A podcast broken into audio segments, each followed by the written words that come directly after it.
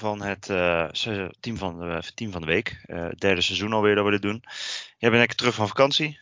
Ehm, we komen precies in, in, in, de week dat de Champions League ook begint. Dus het wordt steeds drukker met alle wedstrijden.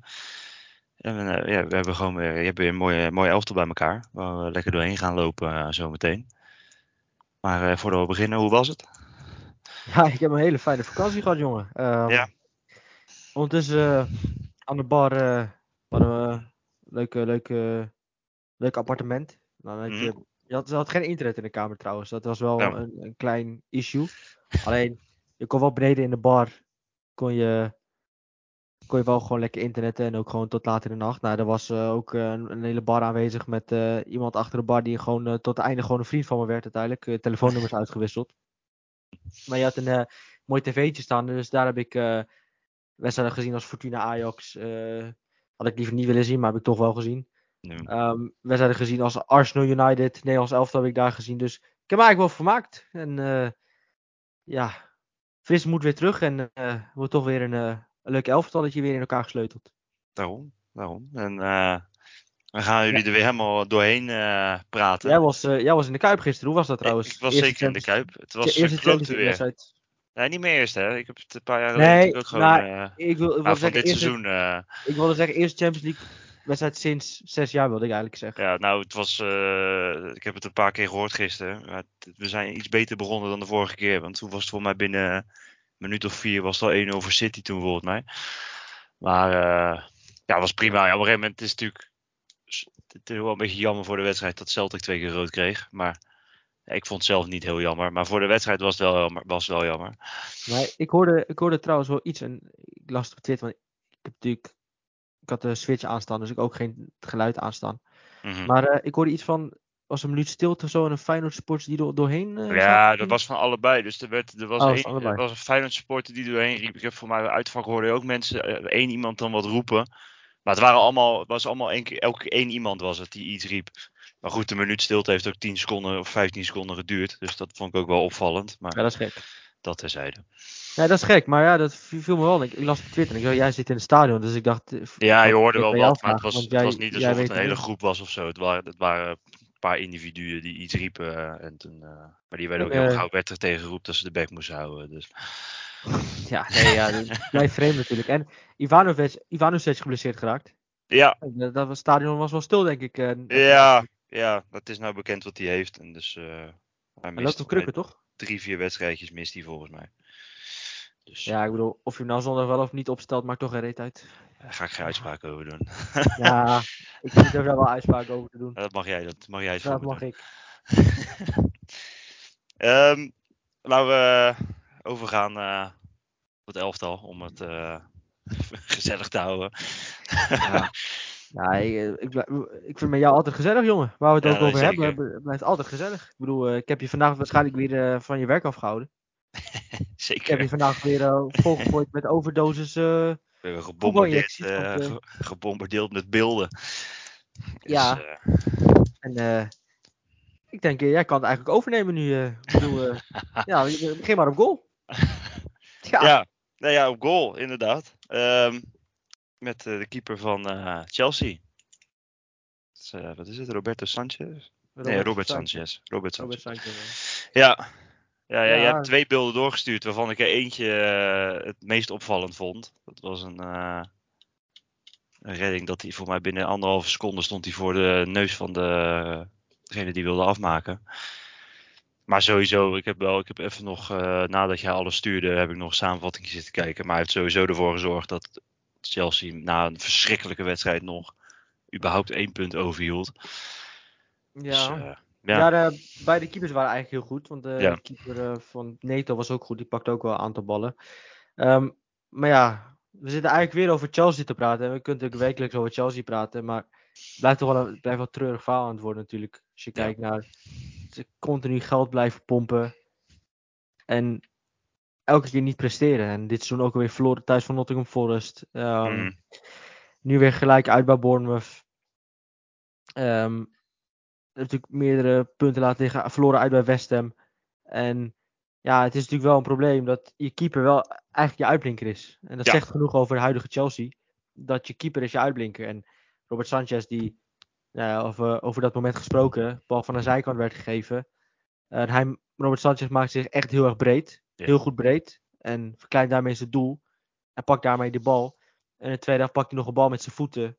Mhm. Eh, waar ook nog een grote kans uitkwam. Dus ja, Robert Sanchez was de beste man bij Chelsea. En, en dat is wel zorgwekkend. Dat is veelzeggend. Als je keeper je beste speler is, dan uh, dat betekent dat je, dat je met de bal vrij weinig gedaan hebt. Want die tegenstander heeft de grootste kansen gehad. het is gewoon, het is, het is een probleem aan het worden bij Chelsea.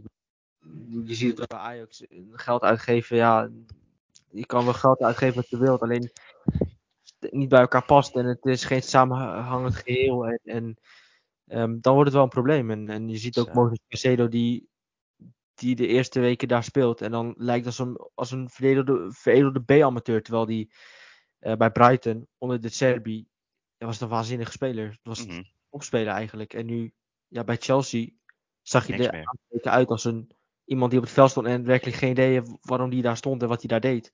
En dat is wel problematisch natuurlijk bij Chelsea. Dus um, ja, ik vraag me toch af. En ik zou toch iedere speler die naar ja, Chelsea wordt gelinkt toch afvragen van ja, wel een goed idee. Doen. Ja. Je wordt eigenlijk je wordt niet beter op om naar Chelsea te gaan. Nee, nee. Het is, het is Johan Cruijff dat er geroepen. Ik heb nog nooit een zak geld een doelpunt zien scoren. Het is wel een beetje het uh, verhaal van Chelsea uh, tot nu toe. Want ja, iedereen weet hoeveel ze uitgegeven hebben. Dat komt natuurlijk ook omdat al die spelers die tot nu toe gehaald zijn, een paar uitzonderingen na misschien, niet presteren. Niemand, niemand haalt het niveau, of collectief haalt sowieso niemand het niveau wat je van verwacht verwachten.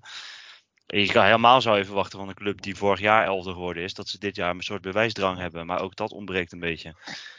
Ah, het is gewoon een probleem. Het is gewoon, als je gaat kijken naar Chelsea, nu, nu als je één iemand zegt die presteert bij Chelsea, is Enzo Fernandez. Ja, dat is een rasvoetballer. En, en die is eigenlijk de enige waarvan ik echt denk, die presteert. Nou ja, je hebt uh, echt wel interessante spelers, zoals Nicolas Jackson. Totaal interessante speler. Alleen ja, die uh, schiet ze er nog niet in. Die, waar die bij Villarreal de ene naar de andere erin schoot de schoot heeft hij nu wel moeite met, uh, met afmaken. En Sterling die af en toe wel een bal erin schiet, af en toe wel leuke dingen laat zien, maar is gewoon niet goed genoeg. En je vraagt je toch af uh, bij Chelsea van ja, hoe ziet het dan binnen dat structuur, binnen, dat, binnen de club? Mm Met alles. Want als je gaat kijken, ze hebben een miljard euro uitgegeven en noem maar spelers op die, die tot nu toe echt zijn geslaagd. Ja. Die miljoen spelers. Die kom je uit bij Enzo Fernandez. Terwijl ik denk, zet Arno Fernandes nog bij een betere ploeg, gestructureerde ploeg neer. En hij wordt nog beter. Mm. Um, want het is echt geweldige voetbal. Hij heeft dit seizoen echt ook laten zien dat een waanzinnige voetballer is. Als je hem de vrijheid geeft om te kunnen creëren. En natuurlijk twee, een paar weken geleden stond hij in het elftal.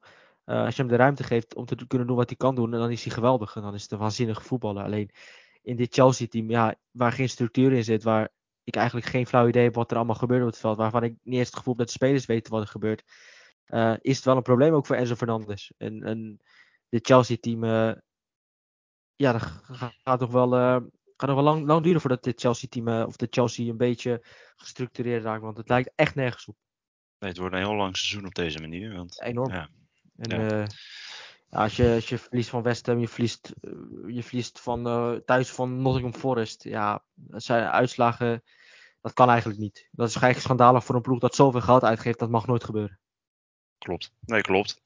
Uh, wat ik net ook zei, iedereen weet hoeveel ze uitgegeven hebben. En dat heeft natuurlijk ook mee te maken dat het niet loopt. En dan, ja. Terwijl ze tegen Liverpool heel goed speelden. Alleen ja, ja. ik kom je weer, weer met Liverpool. Ja, die willen ook voetballen. En het is natuurlijk anders dan ploegen zoals Nottingham Forest en dat soort ploegen. Um, alleen ja, in die ploegen tegen Liverpool kreeg je heel veel ruimte. En heb je snelle spelers die dan van kunnen profiteren. Alleen als je kom je dan toch tegen ploeg als Nottingham Forest terecht, waar je het spel echt moet gaan maken. En dat soort dingen heeft Chelsea toch problemen. En uh, mm -hmm.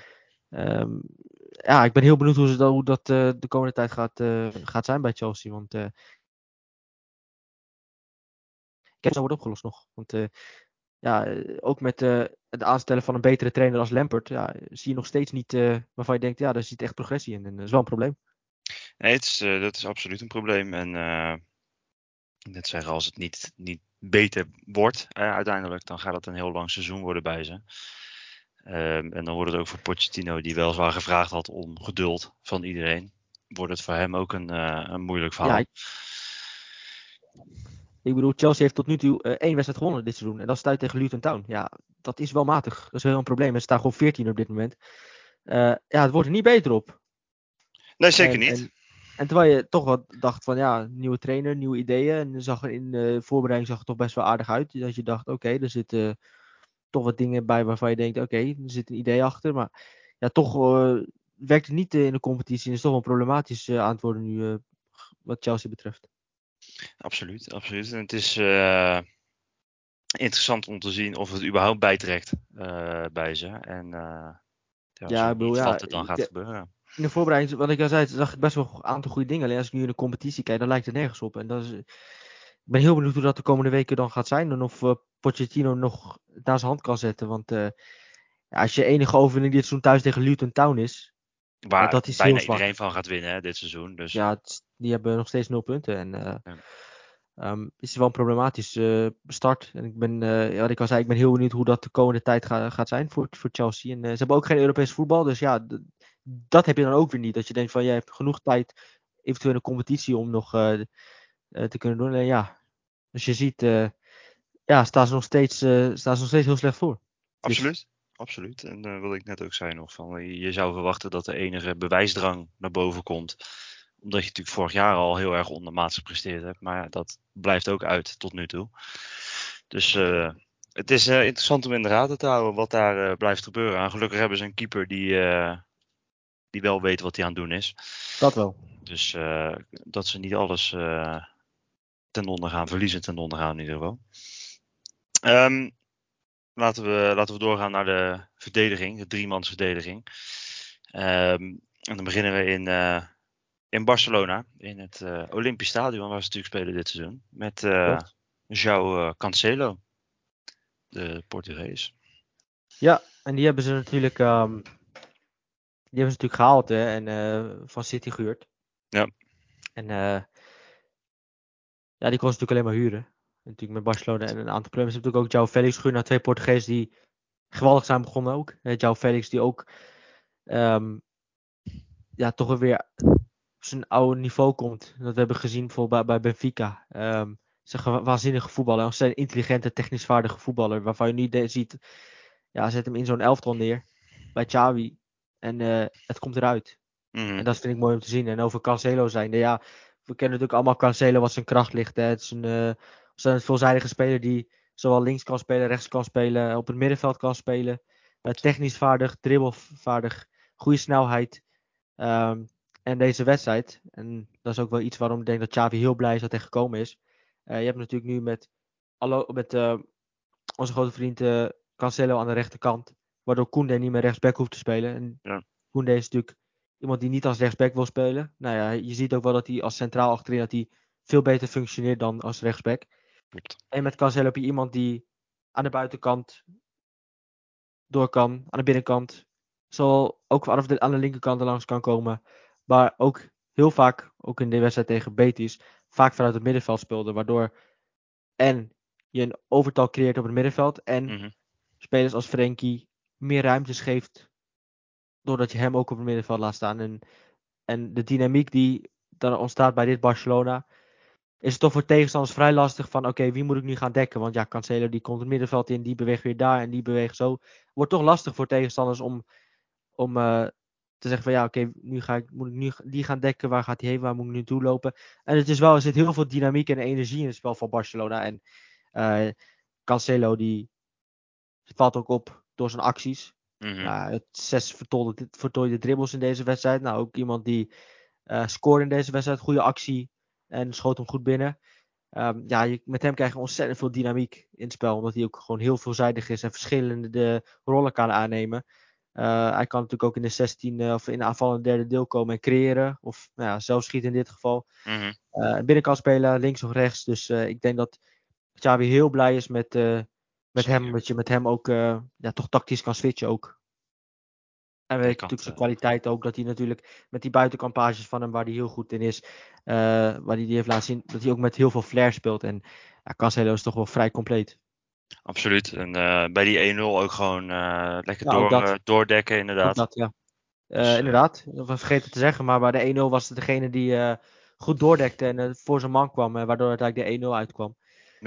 Ja. je ziet wel zijn energie waarmee hij speelt en de dynamiek waarmee hij speelt. En verschillende rollen die hij kan aannemen. Dus ja, hij is een cruciale speler voor dit Barcelona. Absoluut. En ik denk die mensen geen beter maakt. Dat ook, inderdaad. En, een buitenkantje was het denk ik voor Barcelona om hem te halen. Want, ja, ik denk... Het is niet uh, alsof ze heel veel financiële kracht hebben. Ik denk dat Xavi ook wel echt geopperd heeft van ik wil deze man erbij. Want met hem kunnen we verschillende dingen op het veld doen. Verschillende rollen kan hij aannemen. We kunnen met hem verschillende formaties aannemen. En hij kan er ook voor zorgen dat hij aan de binnenkant speelt, dat ons spel beter wordt. Mm -hmm. En we meer vrijheden krijgen. En dat, dat, dat zorgt hij wel. Heel goed. Absoluut. En uh, het is natuurlijk gewoon bekend eh, wat hij kan. Dat hij goed kan voetballen, dat weten we al. Alleen uh, ja, dat hij het ook bij, dat, bij Barcelona, dat hij daar ook weer de rol krijgt. En dat hij daar ook vrijheid krijgt om in dat middenveld erbij te komen. En dat hij daar de rest beter maakt, is ook wel is mooi om te zien. Zeker. En voor Barcelona te hopen dat ze dat vol kunnen houden met hem. Um, dan gaan we door naar de volgende verdediger. Dan gaan we naar Liverpool, naar een redelijk onbekende. En dat is. Uh, wat is het? Even zijn voornaam. Nou goed, het is. Kwanza. Ja, ik had zijn voornaam. Voor mij is dat Janel of Jamel, een van de twee. Ik, heb, ja, kan mijn eigen handschrift niet meer lezen. Maar kan wel niet uit. ja, nou goed. Dus voor mij jeugdspeler van Liverpool zelf. En Klopt. mocht spelen omdat Van Dijk natuurlijk rood gekregen had in de vorige wedstrijd. Het is, uh, het is Jarel. Jarel. Ja, ja. Jarel Kwanza. Maar, het is echt onleesbaar hier, maar goed. dat maakt niet uit, dat maakt niet uit. Um, ja, Jarel Kwanza. En, en ook, ook hem heb ik, uh, heb ik beelden verstuurd. Ja. Heb ik jou beelden verstuurd. En um, ja, er gebeurde wel wat in deze wedstrijd. Want Liverpool had veel problemen. Bijvoorbeeld met uh, ja, het middenveld dat je McAllister als nummer 6 die veel balverlies leed. Waardoor de verdediging nog meer in de problemen kwam. Ja, aan de rechterkant had je uh, Joe Gomez, die kwam te staan tegen Pedro Neto. Ja. Um, ja, Pedro Neto is een geweldige voetballer die geblesseerd is geraakt. Um, alleen, hij heeft tijd nodig gehad om weer in vorm te komen. Alleen, hij is dit seizoen echt in vorm. En als je dan ziet, als hij de acties die hij maakt en op je afkomt, er zit zoveel explosiviteit in hem. En Joe Gomez werd helemaal, helemaal weggespeeld aan die, aan die, aan die rechterkant. Mm -hmm. um, en het is ook leuk, want uh, deze Pedro Neto is degene die de meeste kansen heeft gecreëerd in de Premier League. Tot nu toe dit seizoen. En um, je had ook Joel Matip, die ook in de problemen kwam. Um, en had je een jonge jongen staan, die de eerste keer in de basis stond. En je zou zeggen, met die wankele defensie, want we kwamen eigenlijk vrij snel 1-0 achter. En het was eigenlijk wachten tot het 2-0, 3-0 werd. Want Liverpool defensie was echt, echt heel erg dramatisch. Mm. Uh, met, het hielp natuurlijk ook niet mee dat je dan ook McAllister hebt die uh, alleen maar balverlies leed in deze wedstrijd. Waardoor de defensie alleen maar nog meer in de problemen kwam. Um, en dan staat er een jonge jongen die eigenlijk heel rustig en kalm zijn wedstrijdje speelt. En zich niet gek laat maken. En als je ziet hoe die alert is. Hoe die de bewegingen van zijn tegenstander goed volgt hoe die ah, situaties onschadelijk maakt. Door ruimtes dicht te lopen. Door op het juiste moment ertussen te zitten.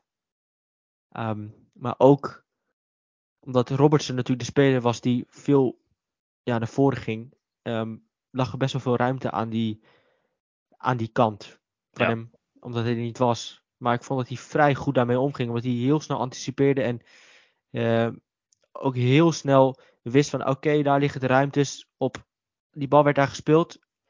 Oké, de ruimtes liggen daar. Heel snel dichtlopen de ruimtes. Want hij, hij zag het wel en hij anticipeerde er heel goed op. En hij reageerde er ook heel snel op. Klopt. Dat als die bal daar terecht kwam, reageerde hij als eerste en liep hij heel snel die ruimtes dicht. En uh, met een tackle of met een balverovering uh, had hij die bal. En ik vond dat hij dat vrij aardig deed in deze wedstrijd. Dat hij toch wel zo jong, maar zo kalm en um, zo volwassen zijn wedstrijd speelde. Uh, met heel goed het spel kunnen lezen en heel goed kunnen reageren en heel goed kunnen anticiperen en ruimtes goed kunnen dichtlopen, er goed tussen kunnen komen, zijn man goed kunnen volgen. En dat op die jonge leeftijd in een elftal wat ja, zeker de eerste zelf heel veel problemen had. Uh, in de verdedigend heel erg chaotisch was en onstabiel was, vond ik dat hij zijn wedstrijdje heel goed speelde. En um, was wel een moment in de eerste helft dat hij, dat ze, dat hij over een bal heen ging, waardoor uh, nog een grote kans uitkwam, maar hij stelde het eigenlijk zelf.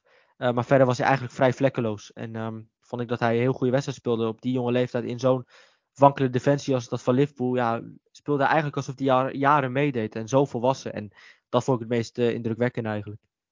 Ja, en voor iemand die, uh, wat is het, uh, 32 minuutjes mee heeft mogen voetballen dit seizoen, tot nu toe. Ja, basisdebuut was dit. Zou je het niet zeggen dat het de eerste keer was dat hij in de basis stond? Natuurlijk zal het af en toe een beetje onwennig geweest zijn voor hem. Maar hij, ik vond het, wat jij stuurde ook, die, beeld, die beelden die je doorgestuurd had, zie je ook, hij durft uit te stappen als, als het moest. Ja. En ja. Uh, dan moet je toch ook wel zeker zijn van je zaak als je zoiets doet, want je creëert toch een één op één achter je. Um, ja, wat hij deed, deed hij goed. En uh, daar kan hij, ja. uh, kan hij op verder bouwen, denk ik. Ja. Ja, het is vooral, wat ik al zei, de, de, anticipatie, maar ook gewoon heel snel kunnen reageren. Als, door zijn man goed te kunnen volgen, maar ook heel goed kunnen reageren om die ruimte snel dicht te lopen. Om gevaar eigenlijk te voorkomen voordat het eigenlijk gevaarlijk wordt. Ja. En daar vond ik hem heel sterk in. En hij heeft toch wel laten zien dat hij dat een speler is die je ook nu al kan vertrouwen. Um, op, op die jonge leeftijd al. En ja, het is een speler die ook leiderschapskwaliteiten heeft. En het zou zomaar een speler kunnen zijn die zou zijn de komende 15 jaar een basisspeler kan geworden bij Liverpool en uh, uit kan groeien tot een absolute leider achterin. En wie weet is het, hebben ze natuurlijk de Van Dijk replacement hebben ze al in huis. En um, ik ben heel benieuwd hoe hij zich de komende tijd gaat ontwikkelen. Want er zullen ongetwijfeld ook weer momenten komen, um, zoals Matthijs de Licht kreeg ja, tegen Bulgarije uit dat er kritiek gaat komen of dat hij de fout in gaat. Um, maar hij maakt tot nu toe een positieve indruk. En uh, is mooi voor hem. En ook Robertson na afloop, de aanvoerder, die hem uh, ook zei: Ja, jongen, heel goed van jou. En dat hij, ondanks dat we hem niet heel hielpen in de verdediging, want hij werd eigenlijk totaal niet geholpen in de verdediging, dat hij zijn hoofd heel erg cool wist houden. En dat hij mm -hmm. zijn wedstrijdje speelde en dat heel goed deed. En, um, hij kreeg alleen maar lof, ook van de trainer. Dus uh, ook van Virgil van Dijk, die die bij de wedstrijd afwezig was, aanwezig was en iedereen uh, een high five gaf. En uh, toen deze Kwanza voorbij kwam, uh, ja, hem een extra harde high five gaf en een knuffel. En dat is wel mooi om te zien dat Van Dijk dus ook wist dat, dat hij een, een, hele goede wedstrijd speelde achterin. in een toch wankele defensie. Dat hij zijn hoofd cool wist te houden en toch vrij volwassen zijn wedstrijdje speelde. En dat vond ik vrij knap. Absoluut. En hij heeft natuurlijk aan Van Dijk ook wel een aardige om achter te zitten en om mee te mogen trainen. Dus het kan ja. ik vanaf hier kant alleen maar omhoog. Ik, uh, ik ben heel benieuwd, want hij maakt een positieve indruk. Dus, uh, en ook uh, zijn, zijn voetballende kwaliteit. Vrij kalme speler, ook in balbezit. Um, ja. Van achteruit, heel goed. En um, ja, het is wel potentieel wel een speler waarvan ik denk... dat is wel een speler die basisspeler kan worden bij Liverpool en kan uitgroeien tot een leider. En, dus ja, dat is wel interessant om te volgen de komende jaren. Absoluut. En uh, bedoel, het is pas de eerste wedstrijd. Dus, ja, hij, uh, dan al zo'n indruk achterlaat. Ja, dat kan hij niet meer weten. En vorig jaar natuurlijk, voor mij vorig jaar ook nog verhuurd geweest ook al ja, aan, aan, Bristol Rovers. Dus klopt. hij heeft al wel ervaring. Maar goed, Premier League is waarschijnlijk toch wel een ander, ja. een ander verhaal. En ja. hij heeft zich goed staande gehouden tot nu toe in Zeker. die ene wedstrijd. Dus wat ik zeg, het is iets voor hem om te bouwen dat hij weet waar hij aan toe is. En dan kan hij verder. Zeker. En dan denk ik dat we daarmee door kunnen naar de, de derde verdediger, de laatste verdediger. En dat is Odilon Kosunu van Bayer Leverkusen. Daar heb ik ook beelden van gestuurd. Zeker, de moderne um, verdediger. Heel, ik ben heel benieuwd, wat vond jij het meest indrukwekkende? Um, ja, ik vind dat wat ik stuur ik, op WhatsApp stuur ik dat naar jou. Wat mij het meest opvalt, en vind ik over het algemeen indrukwekkend vind, is dat uh, je krijgt steeds meer verdedigers en hij valt daarbij. Die heel atletisch zijn. Uh, en je ziet heel vaak dat dat ten koste gaat van dat ze goed kunnen verdedigen. Uh, en dat heeft hij niet. Dus ik stuurde, voor mij ver, vergeleek ik hem ook met uh, bijvoorbeeld Guardiol. Dat is er ook zo een. Die zijn heel atletisch, kunnen op heel veel plekken spelen. En dat zie je bij hem ook. Dus hij, uh, wat hij verdedigend moet doen, doet hij goed. Zoals hij uit moet stappen of een tackeltje moet maken, dan is het ook gewoon goed. Het is getimed. Maar als die mee naar voren gaat, dan zit daar ook gewoon explosiviteit in. En, en, en, en echt het tempo in wat je daarvoor nodig hebt. En dat vind ik het meest indrukwekkend. Wat je normaal ziet bij verdedigers, centrale verdedigers, dat het een beetje statische gasten zijn. Althans, wat je hiervoor altijd had, dat heeft hij totaal niet. En dat vind ik het meest uh, opvallende. Ja, je hebt het over, over, over timing. En, en, en dat is wel iets wat. Want het is niet voor het eerst wat, dat hij dit doet, dit seizoen. Nee. Dat hij zo uitstapt. Um, ik had je namelijk ook genoeg andere beelden uit andere wedstrijden kunnen laten zien. Bijvoorbeeld de eerste wedstrijd uh, van het seizoen tegen Leipzig. Deed hij dit een aantal keer. Op de helft van de tegenstander. Ertussen komen. Op het juiste moment. En dat deed hij in deze wedstrijd ook. Um, dat hij uit kan stappen. Dat hij op het juiste moment kan timen. De bal kan veroveren. Um, dat hij ook op tegenstanders kan zitten, kort op tegenstanders kan zitten. Wat hij ook een aantal keer met Harry Kane deed. Dat hij echt kort op hem zat. Um, maar verder ook, je zag ook op een gegeven moment dat hij zijn man ook goed wist te volgen. En dat hij goed anticipeerde en de paaslijn eruit hield. Hij had ook weer met de juiste timing van oké, hij gaat naar binnen toe, wachten, wachten, wachten. Oké, die paas kan worden gespeeld. Op het moment dat die paas wordt gespeeld, bam, tussenkomen, bal veroveren. Um, Dat is heel, heel knap van hem, dat hij, dat hij dat leest. Hij kan dus dat soort momenten lezen. Hij leest dat heel goed. Um, je ziet ook dat hij de mogelijkheid heeft om uh, als balcarrier, hè, de meters die hij vooruit kan maken met de bal aan zijn voeten, dat hij daarin met zijn lange benen, want hij heeft vrij lange benen, uh, dat ziet er heel indrukwekkend uit. En het is daarom ook heel lastig om dat te verdedigen. En je zag ook, ik heb in beeld gestuurd hoe hij uh, zo langs drie, drie man versnelde. Ja. Um, en dat hij een overtreding nodig had, maar uh, wel op de been bleef. Hij lag, maar hij stond wel gelijk weer op, waardoor ja. die aanval in, in, intact bleef. Um, ja, het is een, een, een atletische, maar ook gewoon met die lengte van hem ook hij gewoon vrij snel. Hij is ook een vrij snelle verdediger. En uh, hele indrukwekkende verdediger die, als je gaat kijken naar aan de rechterkant, dat je, dat je uh, Kosuno die doordekte. Maar aan de andere kant had je ook Tapsoba die dat deed. Dus en Tapsoba en Kosuno die dat konden. En David ja. kunnen verlaten en kunnen doordekken op, op de tegenstanders en ballen kunnen veroveren zo hoog op het veld. En ja, dat zijn wel twee atletische verdedigers die um, denk ik in de toekomst veel van gaan horen. En de Tapsoba die stond in de belangstelling van Tottenham. En uh, deze nu ook uh, komende zomer vrij veel in de belangstelling zal gaan staan. En zal veel clubs zal, zullen voor hem in de rij gaan staan. Want ja, wat ik al zei, het is gewoon wat jij ook al zei, ja, een vrij atletische verdediger die goede snelheid heeft, goede voetballende vermogen. Want um, dat heb ik, ook niet heb ik jou ook laten zien, dat hij heel goed is ook in het combinatiespel, in balbezit vrij goed. Uh, dat hij ruimtes kan aanvallen, dat hij ook mensen de diepte in kan sturen. Mm. Um, maar het is wel fijner dat je spelers als Frimpong met die snelheid die diep gaan, nou, kan, kan hem bereiken. En uh, kan ervoor zorgen dat Frimpong gevaarlijk kan worden, in gevaarlijke posities kan komen. Ja, dat heeft hij ook in huis. Um, dus is een, vrij moderne, inderdaad, verdediger die veel facetten van het spel heel goed beheerst. En ook recht centraal kan spelen, maar ook als rechtsback kan spelen. En hij, past 22 ook. Um, en eigenlijk vrij essentieel is in dit spel uh, bij Leverkusen achterin. Want hij is ook vrij kalm en ook als hij onder druk komt staan. Eigenlijk iemand die eigenlijk vrijwel zoekt naar de voetballende oplossing vooruit. Um, ja, dat is, past eigenlijk perfect. En, en denk dat Alonso heeft daarin ook een heel belangrijke rol gespeeld. En uh, zijn speelstijl ook uh, aan die spelers verteld. En ook die spelers beter gemaakt. Zoals je ook bij de Serbi ziet, waar we ook later op gaan komen. Want de Serbi gaat weer genoeg uh, veer in seconde krijgen vandaag. Uh, maar het is zo dat Xabi Alonso die spelers ook beter maakt. En je ziet toch wel dat de trainers zoveel invloed hebben op spelers. En ook deze Cousinu is veel beter geworden onder Xabi Alonso. En um, dit wordt een speler waarvan we in de toekomst veel gaan horen. En uh, kan uitgroeien tot een absolute topverdediger. Die veel in huis heeft om een topverdediger te worden. En uh, ook momenten, wat ik al zei, ook momenten als hij twee tegen één situaties komt, dat hij toch, toch een beetje afstand neemt, rustig blijft, de binnenkant heel goed dekt en dan op het juiste moment wacht. Hij weet die paas kan alleen maar naar de rechterkant worden gespeeld. Wachten, wachten, wachten. Op het moment dat die paas wordt gespeeld, dan dekt hij door, komt hij ertussen, verovert de bal en kun je weer doorvoetballen, kan je weer aanvallen. Uh, dus dat beheerst hij heel goed. Al moet ik zeggen, uh, het was niet vlekkeloos, want als je, ik heb jou die beeld helemaal niet laten zien trouwens, ben ik helemaal vergeten. Als je dat opzoekt, uh, de twee, twee werd hij wel uitgespeeld door Tel. Was niet mhm. helemaal zijn schuld dat er een doelpunt uitkwam, want Goretzka stond helemaal vrij in de 16. Nou, dat is dan niet zijn schuld. Um, alleen, ja, weet je, dat is dan het enige wat, wat in deze wedstrijd uh, mij tegen tegen, uh, tegenzat. Het enige waar toch een klein kritiekpuntje op kan zijn. Um, alleen hij deed zoveel goed. En heeft zo'n interessant profiel. Dat ik Mhm. dacht, het is toch wel de moeite waard om hem te bespreken. Want hij was eigenlijk echt heel erg goed in deze wedstrijd. Ja. Zowel aan de bal als zonder bal. Ja, absoluut. En eh, hij is pas 22, hè, dus eh, ik bedoel, hij heeft nog de tijd om die foutjes eruit te krijgen. Voordat hij eh, er misschien een Ja, eh, hoger op doet, toch?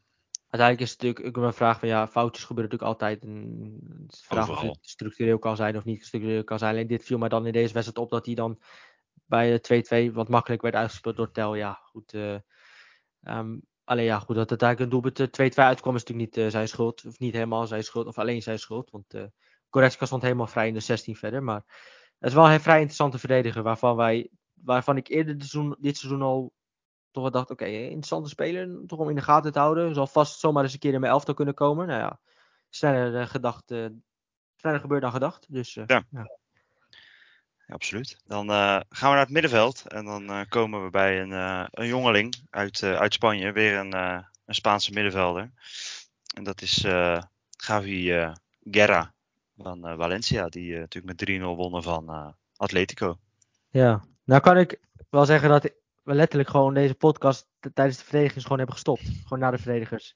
Want eh ja, ik heb natuurlijk niet alle tijd om, eh, om alle spelers te bespreken. Dus we gewoon, doen, doen we nu gewoon tussendoor de podcast, eh, zetten we gewoon op pauze en dan Mhm. laat ik jou wat beelden zien. Dus ja, ik heb jou net kerstvers de beelden laten zien. Ik heb een En, masterclassje gehad even inderdaad. Jij wel, jij wel genoten, hè? Enorm.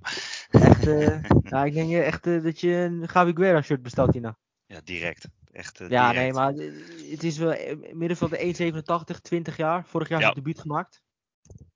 En eh, stond eigenlijk ook dit, voor dit seizoen al, eigenlijk al bekend, bekend als groot talent. Uit de jeugdopleiding van Valencia. Althans, hij is door, de, door Valencia opgehaald in 2019 uit de jeugdopleiding van Villarreal. Ja. Dus kan je zeggen op zijn zestiende is hij daar weggehaald. Ehm, en hij debuteerde eigenlijk eh, tegen Sevilla, stond 1-1. En eh, ja, je zag ook heel gelijk een van zijn kwaliteiten, zijn loopvermogen. Vrij, vrij goed loopvermogen, kan eh, aanvallende meters maken. Nou, in de 16 komen. Nou, hij, hij scoorde een doelpunt doordat hij in de 16 kwam en tijd de bal goed binnenschoot. En waardoor ze 2 wonnen, waarvan je toch dacht, nou, oké, ja. hij stond bekend als groot talent. Nou, het begint toch goed, hè? weet je wel. Als je zo het seizoen begint en je kan een winnende maken, dat is niet verkeerd. Als je zo kan beginnen natuurlijk. En dan denk je, ja, dan wil je toch meer van hem zien. En dan eh, tegen Las Palmas eh, valt hij dan weer in. En dan geeft hij een, eh, een, een steekpaas waar een grote kans uitkwam. Dan denk je, nou oké, interessant. ik wil meer van hem zien. En ehm, hij stond in de basis tegen Atletico Madrid. Nou, hij scoorde een doelpunt. Nou, ik heb je ook laten zien. Hij is 1,87 meter, maar vrij technisch. Ja. Technisch vrij vaardig. Ehm, en hij kapt eerst wat mensen uit. Goede actie eerst en schiet hem nog goed binnen met zijn rechter. Hij is rechts. Maar ik heb hem ook echt een prachtig doelpunt met zijn linker zien maken. Waarvan ik denk, oké, hij kan dus, hij kan het dus blijkbaar ook met zijn linker. Ehm, en voor de rest is het iemand die heel veel meters maakt op het veld en heel veel grond bedekt. Iemand die eigenlijk overal op het veld te vinden was. Ehm, als je ziet hoe die intelligent was in het dichtlopen van ruimtes. Hoe die voorzetten eruit haalde. Hoe die paasjes eruit uithaalde door goed te kunnen anticiperen. En weet van oké, die paas wordt daar gegeven. Even wachten op het moment dat die paas wordt gegeven. Hoppa, de ruimtes in, of eh, die paas wordt gegeven. Hoppa, tussenkomen. De paas eruit Mhm. halen zonder het duel hoeven aan te gaan. Bal veroverd. Ja. Eh, maar ook een aantal keer dat hij gewoon heel goed stond. Waardoor hij inderdaad paas eruit hield. Of goed door zijn man kwam. Doordat hij goed reageerde. Ehm, en dat vond ik, nou dat heb ik jou net ook laten zien. Dat was wel opvallend. Dat dat niet één keer gebeurde. Maar dat gebeurde twee, drie, vier, vijf keer. Zes, zeven keer gebeurde dat in deze wedstrijd. Dat je denkt, oké, het is geen incident. Maar is gewoon echt heel intelligent. En heel slim. En dat vind ik, ik vind dat altijd het mooiste. Dat je zonder duels aan hoeven gaan. Dat je ballen kan veroveren. Doordat Ja. je slimmer bent, sneller bent dan de tegenstander. En snel, sneller kan reageren en anticiperen dan je tegenstander. En dat vond ik in deze. En dat heb ik jou ook laten zien. En dat vond jij ook. Eh, Mhm. dat, dat, dat viel wel op in deze wedstrijd. Ja, hij hoeft het niet te forceren. Dus het- het- hij, hij ziet het, zeg maar. Dus het is, eh, hij weet Ja. tot nu toe, weet hij hoe hij uit die duels kan blijven door het gewoon eh, te zien wat er, wat er om hem heen gebeurt. Ik bedoel, we Eh. hebben net dat beeld laten zien dat hij. eh, dat, dat de verdediger van de tegenstander de bal. En die kon Mhm. een paas geven op, op de middenvelder. Gewoon recht voor hem. Gewoon een rechte Ja. paas. En daar stond, stond hij goed bij. Deze Gavi Guerra. En op een gegeven moment dat die paas werd gegeven. Ja, stapte hij in om die bal te veroveren. En, en Goed. veroverde hij ook de- bal. Waardoor ook nog op de helft van de tegenstander. Waardoor ook nog eventueel gevaar kon komen. Dus daarin vond ik hem vrij belangrijk. En er gebeurde niet eh, een aantal keren dat hij ook gewoon een aantal keer heel goed de paas, paas eruit haalde. Ehm, en dat was geen incident, want het gebeurde een aantal keer in deze wedstrijd. En als je ook de, de paasmap laat zien die ik heb laten zien, dan stond Mhm. hij overal op het veld. Ja. En ook nog wat, wat interessant is, hè, want eh, ik doe trouwens een li- lichtje aan in mijn kamer tussendoor. Want, Ehm, maar het is ook zo dat deze eh Gavi Guerra, ehm, komt natuurlijk uit de jeugdopleiding van, van nou ja, Villarreal. Nou ja, is nu bij Valencia nu al een aantal jaar. Ja. Vorig jaar had Valencia een probleem, want er zat eigenlijk weinig voetbal in. Er zat echt weinig drive in het voetbal bij Valencia. Zat echt, het was vrij statisch, zat weinig energie in dat elftal, weinig dynamiek in dat elftal. Ehm de enige speler die vorig seizoen dat had, ehm, was André Almeida. Ja. Was, was de beste speler van Valencia vorig seizoen. En nu zie je ook dat eh, toch wel een aantal spelers op be- beginnen te komen. Hè? Jonge talenten. Dus Diego Lopez aan de linkerkant. Ehm, ook eh, die gozer die, eh, die een goede assist gaf. Die ik ook een aantal keren opvalt. Ben ik de naam even van kwijt. Heel erg. Die, maar Perez, naam ik eh, even- Perez. Hoe heet hij nou? Fran Perez? Ja, nee, het is niet een Ik even kijken hoe die heet. We zoeken ondertussen op. Maar eh je ook Pepelo die gehaald is eh, van Levante. Hele belangrijke toevoeging op dat middenveld eh, van Valencia. En nu ook deze Gavi Guerra. Er zit veel meer dynamiek in, veel meer voetbal in, eh, veel meer energie in. En je ziet dat Valencia veel beter presteert dit seizoen. En eh, eigenlijk vijf wedstrijden gespeeld hebben, negen punten. Wat Ja, voor Valencia begrip, als je ziet waar ze vorig jaar hebben gestaan, vrij goed. Dus, eh, Eh, het, is inderdaad, het is inderdaad Fran Perez, je hebt helemaal gelijk. Ik moest even denken aan een andere Perez, maar 21 jaar ehm, zie je dat hij, Fran Perez, eh, ja, 21 jaar hebben ze, nou, deze Guerra is 20 jaar. Ehm, ze hebben deze André Almeida, die is 23. Eh, ze hebben die eh, Lopez, die is 21. Dus er zit ook wel vrij veel ook talent in dit elftal van, van Valencia. Nou, ze hebben ook een jonge jongen van 21 ingebracht. Cesar Tarrega in, hebben ze ingebracht. Ehm, ze hebben een jonge jonge Christian Mosquera, 19 jaar, bij Valencia achterin. Dus je ziet dat er ook meer talent wordt ingebracht. Dat er ook eh, de dynamiek veel beter is geworden bij Valencia. En dat er ook resultaat wordt geboekt. Want ja, een 3-0 thuisoverwinning tegen Atletico is vrij knap. En ze hebben ook gewonnen bij, van Sevilla dit seizoen, onder andere. Eh, dus ze halen wel echt resultaat. En dat doen ze heel erg goed dit seizoen. En eh, ehm, ze staan eigenlijk gewoon keurig op de vijfde plaats dit seizoen. En had je eigenlijk niet verwacht dat Valencia dit zou doen dit seizoen. Want met de club gaat het niet goed. Alleen je ziet wel dat, eh, ja, dat de dynamiek van een elftal zo belangrijk is. Als je een dynamiek van een elftal helemaal omgooit en er zit een dynamiek, echt een dynamiek in het elftal, ja, dan gaat het spel wordt zoveel vloeiender. En dat zie je ook bij Valencia. Absoluut. En eh, wat je zegt, het is een, eh, hij is nog jong. De hele elftal is jong. Dus het, je zou Ja, zeggen dat het eigenlijk alleen maar beter kan dan vorig jaar. Je hebt, je hebt gezien wat voor dynamiek hij toevoegt, hè? Met Ja. loopvermogen, waar hij kan staan. Je ziet dat hij, hij loopt overal. Dus die, die, de dynamiek die hij heeft is vrij belangrijk ook in dit elftal. Ja, de, hij kan inderdaad mee naar achteren komen. Hij kan ook aanvallende runs maken, aanvallende meters in en rond de 16. Hij kan aan de zijkanten spelen in en rond de 16. Eh, dus hij kan eigenlijk vrij, vrij veel posities kan hij innemen op het veld. Ehm, hij is ook vrij veelzijdig daarin. En is gewoon een hele belangrijke toevoeging die op, op zijn twintigste ehm, ja, toch wel goede stappen aan het maken is nu bij Valencia. En eh, ja, weer zo'n middenvelder die, Spaanse middenvelder die technisch vaardig is. En je ziet dat Spaanse middenvelders dat eigenlijk al, altijd in hun hebben. Dat is ehm, gewoon een kracht wat ze hebben. En dit is weer, weer, zo'n speler die, eh, die kan uitgroeien tot een hele goede speler. En eh, ik ben heel benieuwd hoe die zich gaat ontwikkelen. En of er een of andere interesses komt. Want ik heb, ik las Barcelona is al geïnteresseerd. Dus het gaat al zo snel. Het gaat echt al zo snel. En eh, eh, hij doet het heel goed. Dus ik ben eh, heel benieuwd hoe dat de komende ja, maanden uit gaat zien voor hem. En eh, misschien komt hij wel vaker in het elftal. Wie weet. Wie weet inderdaad. Maar weet. eh, ik denk dat hem wel, eh, goed zou zijn om eerst even een, eh, heel seizoen bij. En eh, de volgende, dat is natuurlijk eh, Pascal Groos van eh, Brighton. Die, eh, Ja, is het zo? 3-1, eh, ja, zeker. Is het zo? Wist ik helemaal niet. Nee joh, Nee, wist ik helemaal niet. bij deze. Maar deze. Ja, Die vond natuurlijk met 3-1 hè, van United. Ja, blijkt mooi eigenlijk, want we hebben het natuurlijk weer twee minuten geleden hebben we dit gewoon weer allemaal, hebben we weer allemaal beelden laten zien van Pascal Groos. Dus ja, moeten we, doen het eigenlijk gewoon nog een keer. Nou, de mensen even uit laten zien wat wij over Pascal Groos hebben, wat wij Pascal Groos hebben gezien. Ja. Ja, het is een, uh, Interessant, belangrijk onderdeel is het, hè, uit het, het hele geheel van Brighton. Ah, het, is, het is wel interessant, want um, we kunnen het ook weer hebben over de Serbi. En je ziet eigenlijk dat overal op het veld driehoekjes worden gecreëerd. Ja. En je ziet dat daarin Groos cruciale rol. Van Hekken cruciale rol. Welbeck cruciale rol. Veldman cruciale rol. Um, je, ziet zo, je ziet dat Groos toch wat meer, ja, gewoon wat meer voor de vereniging blijft. Um, je ziet dat onze grote vriend aan de Veldman die de ruimtes in aanvallend opzicht iets hoger gaat staan. Welbeck die inzakt. Dat je zo driehoekjes krijgt, eigenlijk zo gewoon tot voetballen komt. Um, en die rol van Welbeck die inzakt. Veldman die hoog op het, hoger op het veld staat. Kroos die voor de vereniging staat.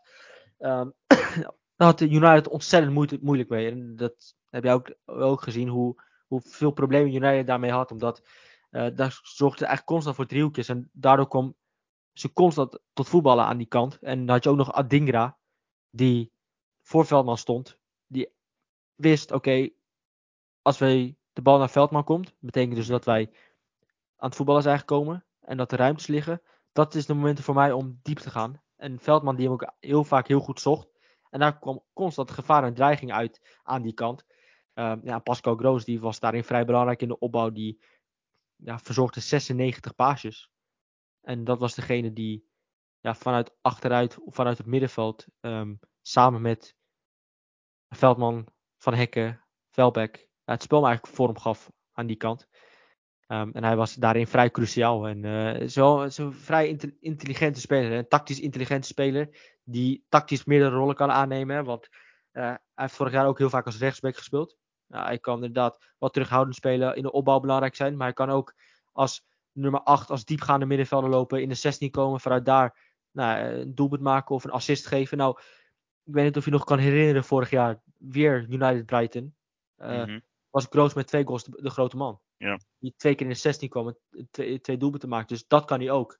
Maar hij kan ook in de opbouw degene zijn die het spel maakt, verzorgt. En ervoor zorgt samen met teamgenoten dat het elftal tot voetballen komt. Um, dus hij kan verschillende rollen aannemen op het veld. En deze, de, deze podcast gaat eigenlijk alleen maar over verschillende rollen. Spelers die verschillende rollen kunnen aannemen. Uh, maar dat is hij ook. Hij kan ook verschillende rollen aannemen. En hij is technisch vaardig, heel intelligent, tactisch intelligent. Um, en hij is ook iemand die, als hij inderdaad naar voren gaat, in aanvallend opzicht, ook kan creëren. Want um, hij heeft 15 kansen gecreëerd. Hij staat daarmee in de top 3 volgens mij van de meest gecreëerde kansen in de Premier League. Uh, 15 kansen. Dat is vrij veel. En het blijft, toch knap om, het blijft toch knap om te zien hè, dat uh, Caicedo is vertrokken. Uh, McAllister is vertrokken. Maar niemand binnen Brighton raakt in paniek. Of denkt van, oh god, we twee hele belangrijke spelers vorig jaar zijn vertrokken. Nee, we hebben genoeg meer andere middenvelders gereden. We hebben Dahoud gehaald, we hebben Pascal Groos. Uh, we hebben onze grote vriend uh, Billy Gilmer. Um, we hebben genoeg middenvelders die, die eigenlijk gewoon zo geprogrammeerd zijn dat het maakt eigenlijk vrij weinig uit wie in, de, in het elftal zal staan. Ja. Iedereen gaat mee. Want Tarek Lemti komt in het elftal. Gelijk twee assist. Ja, je, het maakt eigenlijk vrij weinig uit. Zet je Welbeck daar neer, doet hij dat heel goed. Doet hij eigenlijk zijn werk heel goed. En Welbeck die dan vrij veel inzakt. Nou, ik heb Welbeck zelfs gewoon op posities gezien. Ik heb hem als rechtsback gezien. Ik heb hem gewoon letterlijk als, als rechtsback zien spelen in de opbouw. Dat ik dacht, Welbeck als rechtsback. Maar dat is dus een, een trainer die een speler zo kan ontwikkelen. Dat hij gewoon ja, zo goed kan worden. Dat je, dat je dit nooit bij jezelf had gedacht. Van ja, gaan wij Welbeck zien als, als rechtsback op een gegeven moment zelfs op het veld. Ja, dat is gewoon de trainer die zo'n idee van spelen en spelen zo duidelijk beter maakt. Ik denk, zet je Rens, Wijndal onder de Serbi en het zijn hele andere voetballers. Mm -hmm. En dat vind ik heel knap aan een trainer. En we hebben het natuurlijk vaak gehad over, uh, ja, uh, onze grote vriend Stijn heeft, heeft deze spelers net nieuw en dat soort dingen. Ehm, maar als je een echt goede trainer bent, dan maak je er wel wat van. Dan ga je er op een gegeven moment wel wat van kunnen maken. En dan uh, maak je spelers beter. En, de Serbi is dat wel. Die heeft zo'n duidelijk speelstijl, zo duidelijk taken hoe mensen moeten spelen, een duidelijk spelidee. Dat het maakt ook vrij weinig uit wie erin staan. Um, ze weten allemaal wat ze moeten doen. Ze weten allemaal van elkaar wat ze moeten doen. Um, omdat het gewoon zo'n duidelijk spelidee is. Um, en dat maakt de Serbi heel goed, dat maakt Brighton heel goed. En dat maakt eigenlijk wie er ook in staat gewoon heel goed. Zet iedere speler die, waarvan je misschien denkt, ja, wat is dat eigenlijk voor speler? Ik kan er eigenlijk helemaal niks van. Geeft hij een maand onder de Serbi. En je denkt bij jezelf, wat is dit voor speler geworden? Um, en daarom ben ik groot fan van de Serbi. En, en denk ik bij mezelf van ja, dit is, uh, toch ben heel benieuwd. Uh, want er zullen heel veel clubs, uh, toch wel grote clubs, die denken van oh, als we een trainer weggaan, nou, de Serbi. Dat is wel vrij interessant. En ik ben, ik ben heel benieuwd um, waar die uiteindelijk terecht gaat komen. Want hij is een ontzettend goede trainer. En ik wist eigenlijk al dat, dat toen hij naar buiten zou gaan, dat ze er totaal niet op achteruit zijn, zouden gaan bij het nee. vertrek van Potter. Ik wist eigenlijk dat ze er vooruit, dat ze er vooruit zouden gaan. Want ik heb hem bij Sassuolo ook gezien als trainer. Uh, heeft hij ook spelers beter gemaakt. Dat je ook bepaalde spelers bij Sassuolo waarvan je denkt. Ja, ik kan er eigenlijk helemaal gereed van. Maar onder de Serbi ja. is het gewoon, lijkt het gewoon wel een topspeler. En zo'n trainer. En ik had eigenlijk geopperd vorig jaar toen Ten Hag vertrok. Want hij was toen volgens mij net vrij of net niet. Van, ik had hem graag willen zien bij Ajax. Nou ja, hij is natuurlijk naar Breiten gegaan uiteindelijk. Maar geweldige trainer. En um, het is geen incident, want hij maakt echt spelers beter. En, en, en uh, ik ben echt, echt heel erg benieuwd. Stel je voor, een, een, een, een range zou daar naartoe gaan. Of, of een, een, een, uh, een Wijndal. Een Kenneth Taylor. Een Brobby. Maakt niet uit wie. Um, geef hem een maand. Of Kelvin Bessie. Stel je voor Kelvin Bessie. Waarvan ja. allemaal denken, ja, die, kan eigenlijk niet, die kan helemaal niet voetballen. En ik wilde ik hem hebben. Met, ik had, ja, maar ik had ook met, uh, met mijn, mijn, mijn twijfels van ja, hij past helemaal niet echt in het speelstijl van Brighton. Als je ziet hoe onze grote vriend uh, achterin uh, van Hekken het spel achterin uh, vormgeeft vanuit achteruit. Ja, ja, Dan denk je niet dat, dat Bessie dat zou kunnen. Alleen dan denk je wel, ga je toch wat dieper nadenken van ja, onder de Serbi had je niet eraan moeten opkijken als hij binnen een maand opeens een heel andere speler was. En heel andere dingen deed onder een duidelijke structuur en een duidelijk idee. Um, dat vind ik heel interessant. En daarom denk ik ook van. Uh, ik had misschien stiekem toch wel leuk gevonden als Bessie daar naartoe was gegaan. En dat we binnen een maand hadden gekeken. En dan hadden we waarschijnlijk een hele andere Bessie gezien als bij Ajax. Ja. Dat doet een trainer. Absoluut. En daarom vind ik het ook bizar dat sommige mensen zeggen: ja, trainer hebben geen, geen invloed. Ik heb Willem van Aardig ooit horen zeggen: ja, trainers hebben geen invloed. Ja, dat is klink, klinkklare onzin. Trainers hebben wel degelijk invloed. En uh, trainers zijn juist cruciaal. En um, daar gaan we later ook nog op komen als we het gaan hebben over Teremoffi. Ja, inderdaad. En dan, uh, dan gaan we naar, uh, naar Milaan, naar de, de Derby della Madonnina. Want dat was uh, Hendrik Mkhitaryan, die won natuurlijk met 5-1 met Inter van, van Milan. Hij scoorde twee keer en hij gaf een assist. Dus waar we het daarover gaan hebben. Ja, en toch wel een bijzondere overwinning trouwens, 5-1. Want um, Inter en Milan waren heel goed begonnen dit seizoen. Dat je dacht, dacht van ja, oké, okay, die twee ploegen worden wat een interessant duel. Want uh, twee sterke ploegen. Ja. Alleen ja, 5-1 voor Inter. is gewoon een afgetekende overwinning. Um, ik had die wedstrijd trouwens graag willen zien. Alleen dat was de dag dat ik terugkwam van vakantie. En um, ik eigenlijk gewoon tijdens City in slaap ben gevallen. En echt pas laat in de avond wakker ben. Ja, ik, ik kon mijn ogen echt niet meer open houden. Want ik, we, we, we vlogen, vlogen om 6 uur in de ochtend. Dus ik, ik kon me echt mijn slaap niet inhouden. Um, dus ik heb heel veel gemist, heel veel moeten terugkijken. Um, ah, ik heb de wedstrijd, de eerste helft kunnen terugkijken. Um, mm -hmm. maar Inter is natuurlijk wel wat gebeurd, hè. Uh, Lukaku is vertrokken en ze hebben nu een, een, een spits gehaald in Marcus Thuram. Ja. Dat eigenlijk gewoon fantastisch, fantastische aanwinst is gebleken. Um, je ziet de, zijn snelheid dat hij heeft. De, de kracht dat hij heeft. En ook, heb, heb je dat doelpunt gezien van hem? Van Marcus Thuram? Mm -hmm. um, waanzinnig doelpunt, hoe hij de bal eigenlijk in de kruising schiet. En hij was eigenlijk gewoon, hij zorgde eigenlijk voor ontzettend veel problemen in de defensie van, van Milan. En uh, Malik Chow, die heeft nog steeds nachtmerries van hem. Um, en je hebt ook, nou we hebben natuurlijk, een paar weken geleden hebben we natuurlijk Bastoni in het elftal besproken.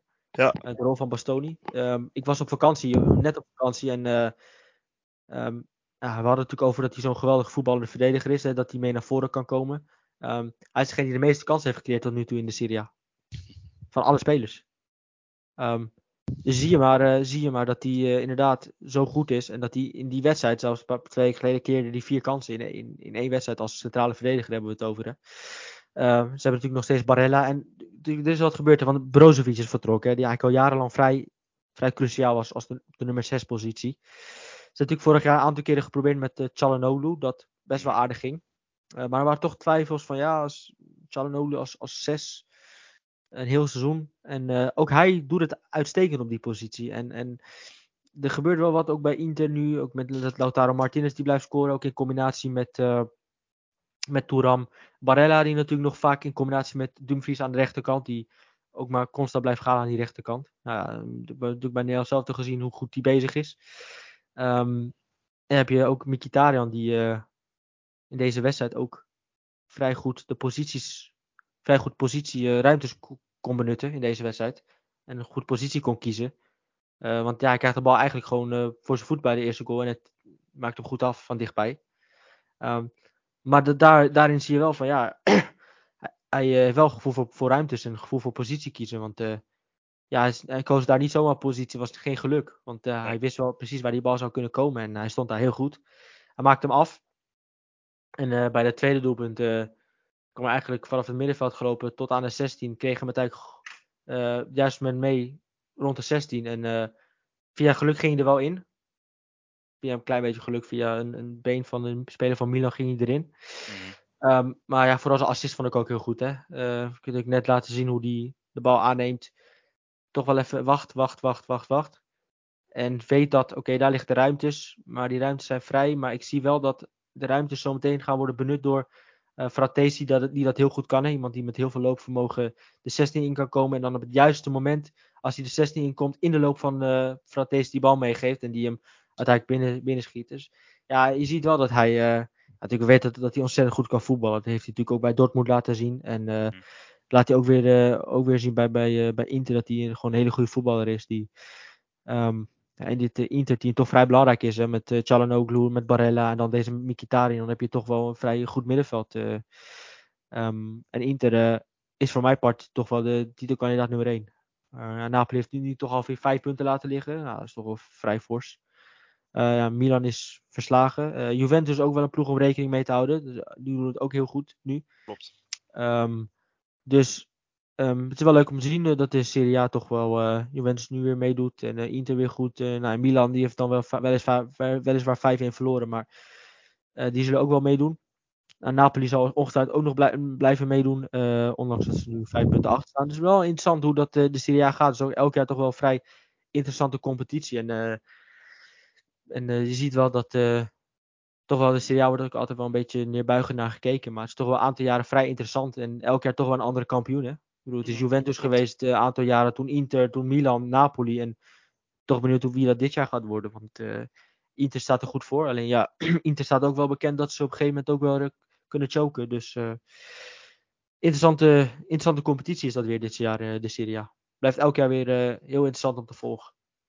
Absoluut. En het is misschien een competitie die niet het meest bekeken wordt, maar wel een hele, hele interessante. En het ligt elk jaar ontzettend interessant het ligt eindelijk ook weer een beetje dicht bij elkaar. Want het is natuurlijk, ze hebben een aantal jaar gehad dat, dat Juventus natuurlijk elk jaar de titel won. Ja. Um, maar het ligt nou allemaal weer wat dichter bij elkaar. Dus het is ook wel. Uh, nou was vorig jaar ook wel een totale Napoli-dominantie. Vorig jaar was echt een totale Napoli-dominantie. En lijkt op dit, dit moment op dat Inter uh, dat dit jaar ook uh, de ploeg zou zijn die dit ja. jaar de dominantie zou Zouden gaan, dat kunnen gaan doen inderdaad. Die zouden dat kunnen doen, want die hebben echt goed ingekocht. En die hebben echt een goed gebalanceerd elftal. Hè? Dus je ziet achterin de Vrij die weer in vorm begint te komen. Bastoni uh, aan die linkerkant, vrij cruciale speler. Uh, Dumfries aan die rechterkant. Uh, ba Barella, Chalanoglu, Mkhitaryan, Touram, Martinez. ijzersterk elftal. Als je dat allemaal gaat kijken en je gaat gewoon heel naar, die, naar, die, naar het elftal lopen kijken. En je gaat dat allemaal in samenhangend ge geheel bekijken. Dan hebben ze echt een heel sterk elftal. En een elftal wat heel goed in elkaar past. Um, dus ik heb ik denk dat Inter kampioen wordt dit jaar. Daar ben ik eigenlijk nu al vrij van overtuigd. Um, Ja. Wat misschien wel vrij snel is. Alleen het ziet er zo goed uit bij Inter. Dat ik denk, die, dat wordt heel lastig om Inter te verstaan, verslaan. Ja. Ehm, ja, dus uh, daarom. Uh, ik heb wel genoten van Inter, die dit, ja, dit seizoen uh, toch wel een goede indruk achterlaat. Echt een heel sterke indruk achterlaat. En als je met 5 wint van Milan, die ook een sterke indruk achterlaat, dan heb je wel echt. Dan zet je wel echt, echt de toon. En dan heb je wel echt die stempel gedrukt. En laat je wel echt zien van oké, okay, wij zijn dit jaar echt de, de ploeg, de, de, ja. de, de kloppen ploeg. Wij zijn degene die, die even de dienst ja. uit gaan maken dit jaar. Zeker. Dus, want ze mogen natuurlijk nu, we nemen natuurlijk weer van op woensdag uh, nemen we het op. Dus ze mogen over uh, iets minder dan een uurtje in de Champions League ook laten zien tegen Sociedad. Dus, uh, dat is een hele leuke wedstrijd trouwens. Echt ja. een hele leuke wedstrijd. Ik ben heel benieuwd naar beide middenvelden. Want het middenveld, want het middenveld van. en heel benieuwd naar Bastoni tegen Kubo. Hè? Ja. Heel interessant die wel wordt dat. ik ga de Switch kijken trouwens. Dus het is niet dat ik die wedstrijd helemaal ga opzetten. Want ik ben. vind de Switch altijd leuk. Hè? Ik weet niet hoe je. Of jij er ook in zit. Nou kijk, ik snap wel als als Feyenoord speelt dat je dan alleen Feyenoord opzet. Maar ja. zo'n switch is altijd wel heel leuk. Tuurlijk, switch is altijd leuk. Ik, uh, dat is, je krijgt altijd van alles een beetje mee. Dus dat is altijd wel, uh, Zeker. Altijd, wel, altijd wel prima.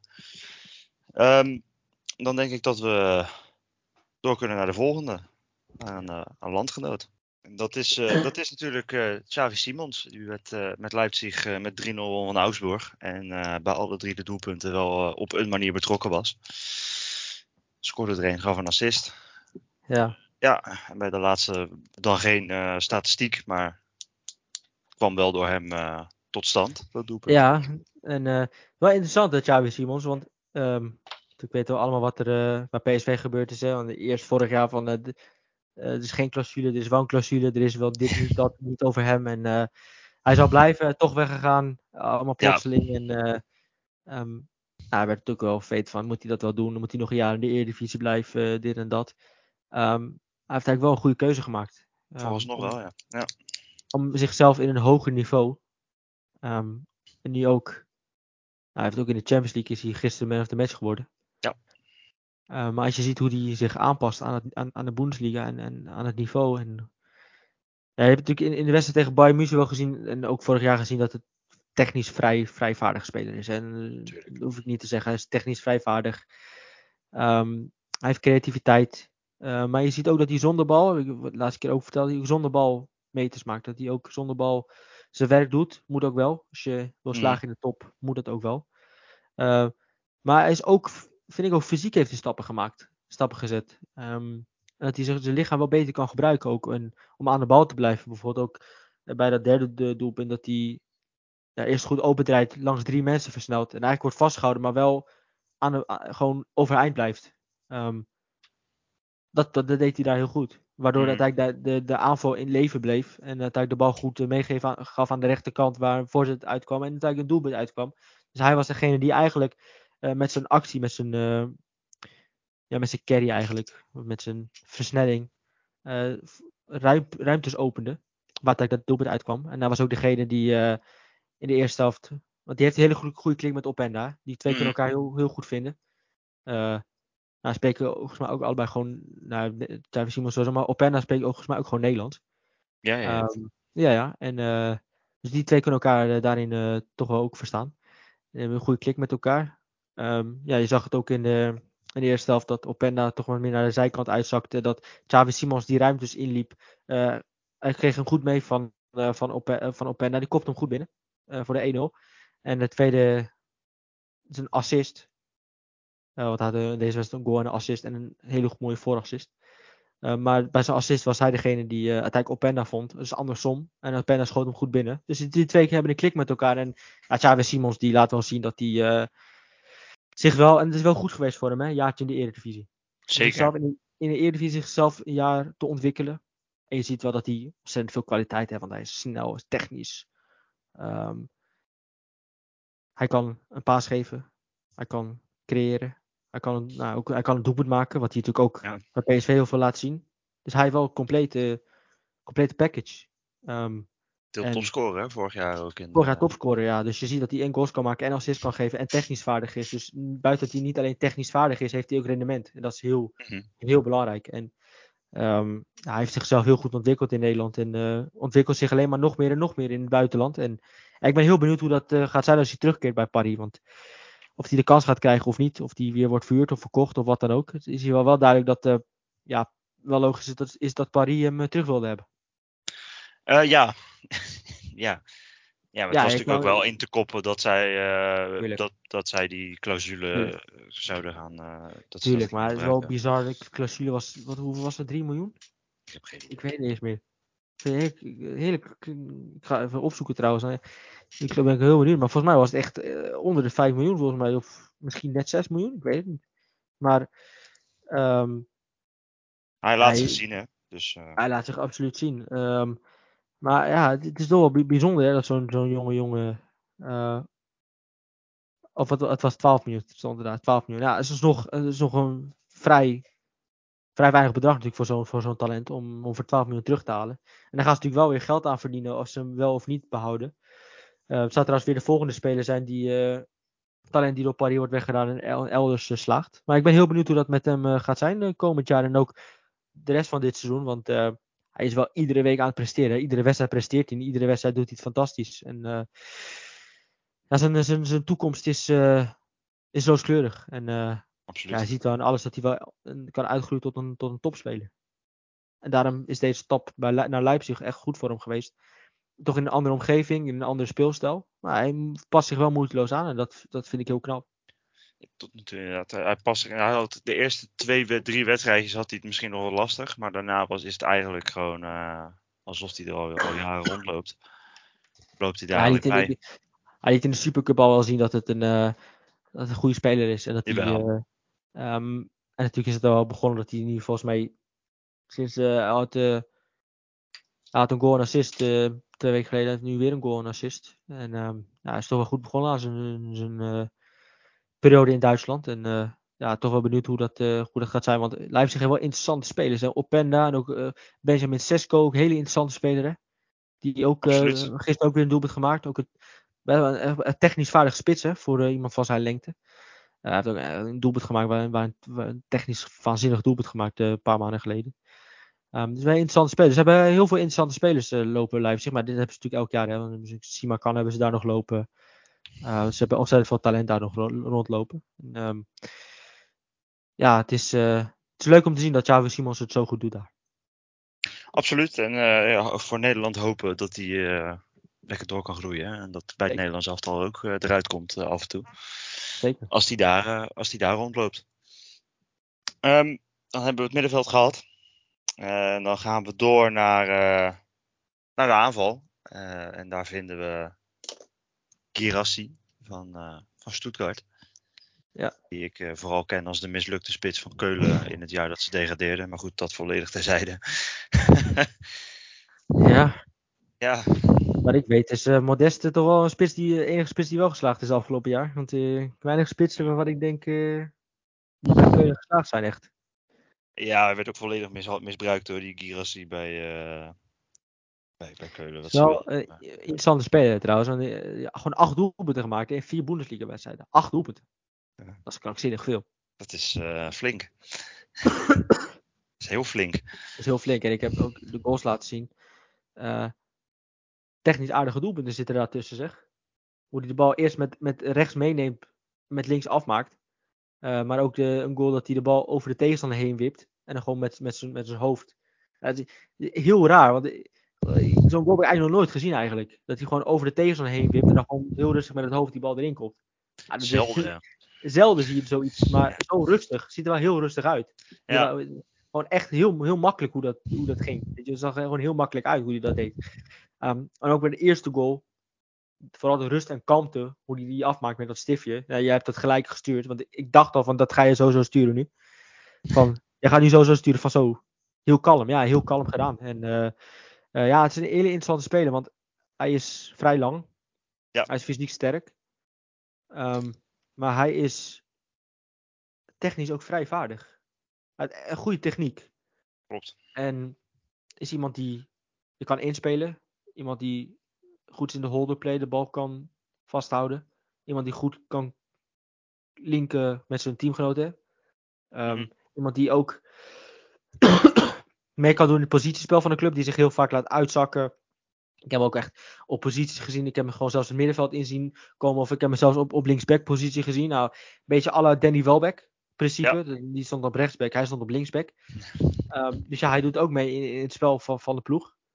Um, dus wel een vrij interessante speler die dus inderdaad niet doelpunten maakt. Um, wel oog heeft ook voor, voor loopacties. Uh, iemand spits met hele goede loopacties uh, in de 16 meter. En uh, ja, gewoon acht doelpunten gemaakt nu. Ja, een hele knap aantal in vier wedstrijden in de Stuttgart die het heel goed doet. Nu, weet je wel, staan er heel goed voor. Hebben volgens mij alleen maar verloren van, van Leipzig. Voor de rest drie wedstrijden gewonnen. En staan nu gewoon keurig in de top 5, 9 punten uit vier wedstrijden. En deze Girassi, ja, laat wel zien dat het een speler is die, uh, als je, als je hem op een bepaalde manier gebruikt onder een goede trainer, die het beste uit hem kan halen, dan kan hij ook heel veel teruggeven. Want uh, het is wel een, een, hele interessante spits. Die Absoluut. niet alleen doelpunten kan maken, ehm, maar ook bekend is om zijn meevoetballende kwaliteit als spits. En een spits met fysieke kwaliteiten. Um, dus een hele interessante spits die uh, toch wel. Uh, ik ben heel benieuwd of hij. Kijk, acht wedstrijden, acht kosten, vier wedstrijden. Dan zal hij op, uh, op 68 doelpunten moeten uitkomen. Dat, dat gaat niet gebeuren. Dat lijkt me sterk. Als hij 68 doelpunten uit, uit, zou komen, dan zou ik, als ik hem was, gelijk stoppen met zijn carrière. Want beter zal ja, het niet worden. Cashen. dan, maar dan zou ik, zou ik hem de gouden bal geven voor de komende vijf jaar. Als dat zou gebeuren. Um, gaat ongetwijfeld niet gebeuren. Um, alleen, ja, hij laat toch wel zien nu onder een trainer, onder een nieuwe trainer die um, ja, zijn kwaliteiten benut. Mm -hmm. dat wel, als je hem op de juiste manier benut en hem vertrouwen geeft en hem, op zijn kwaliteiten beoordeelt en wat hij kan, wat hij goed kan, en hem ook zo laat spelen op die manier, uh, ja, dan is het echt een goede spits. En dan kan hij je dit uh, opleveren uiteindelijk. Dat hij nu uh, ja, zoveel doelpunten maakt. Een hele interessante speler. Die, waarvan ik denk als, als hij zoveel doelpunten maakt, dan ehm, zal die komende zomer toch wel weer ergens weer, want zo gaat het altijd, dan zal hij toch wel weer ergens door een club worden gekocht. Absoluut. Ja, want als je het vergelijkt met hoe hij het hiervoor gedaan heeft, is het eigenlijk het eerste seizoen dat hij echt heel veel doelpunten maakt. Bedoel, hij staat ja, nu na vier, dan op acht. Maar ja, dat, dat is... Volgens mij eindigde hij elke keer rond de tien doelpunten. wat ja. best wel een prima aantal is natuurlijk. Maar als je het vergelijkt met hoe hij nu gestart is, is dat natuurlijk wel een groot verschil. Want is je nu al op het twee derde van zijn aantal doelpunten van vorig seizoen volgens mij. Hij had vorig seizoen heeft hij 11 doelpunten gescoord in 22 ja. wedstrijden. Um, ah, daar is hij al bijna.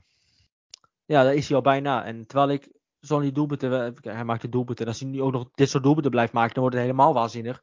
Want hij stond eigenlijk wel, wel bekend om zijn prima techniek en om zijn meevoetballende kwaliteit spits. Dat hij zich laat inzakken en eigenlijk met, uh, met het middenveld uh, me, bemoeit met, uh, met het aanvalspel. Ja. Um, nou, als je dan ook elke keer twee, drie doelpunten erbij gaat maken, dan is hij helemaal onhoudbaar.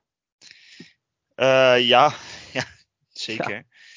En uh, ja, nou goed, om nog even heel kort terug te komen op dat Keulen, waar hij natuurlijk ook gezeten heeft. Daar werd hij als diepe spits gebruikt. En dan zie je, ja, dat, dat is hij niet. En dan, dan, ja, dan gaat hij ook geen doelpunten voor je maken. Dus wat jij zegt, als je een trainer hebt die hem op de, de juiste manier gebruikt, uh, op de manier laat spelen zoals het hem goed ligt, ja, dan, dan gaat het je resultaat opleveren. Ja, het is gewoon een spits die graag uitzakt en dan vanuit die uitzakt ook weer ruimtes kan maken en uit in kan duiken. Het is gewoon een spits die niet op één plek wil staan, maar een spits nee. die overal een beetje beweegt. En nou, inderdaad aan de linkerkant kan uitkomen, rechts komt, weet je, meedoet in het positiespel, dan weer daar de ruimtes induikt, dan weer die daar de ruimtes induikt. Gewoon vrij lastige spelen om te, om te verdedigen ook, uh, omdat hij eigenlijk overal wel, wel loopt en staat en wil lopen.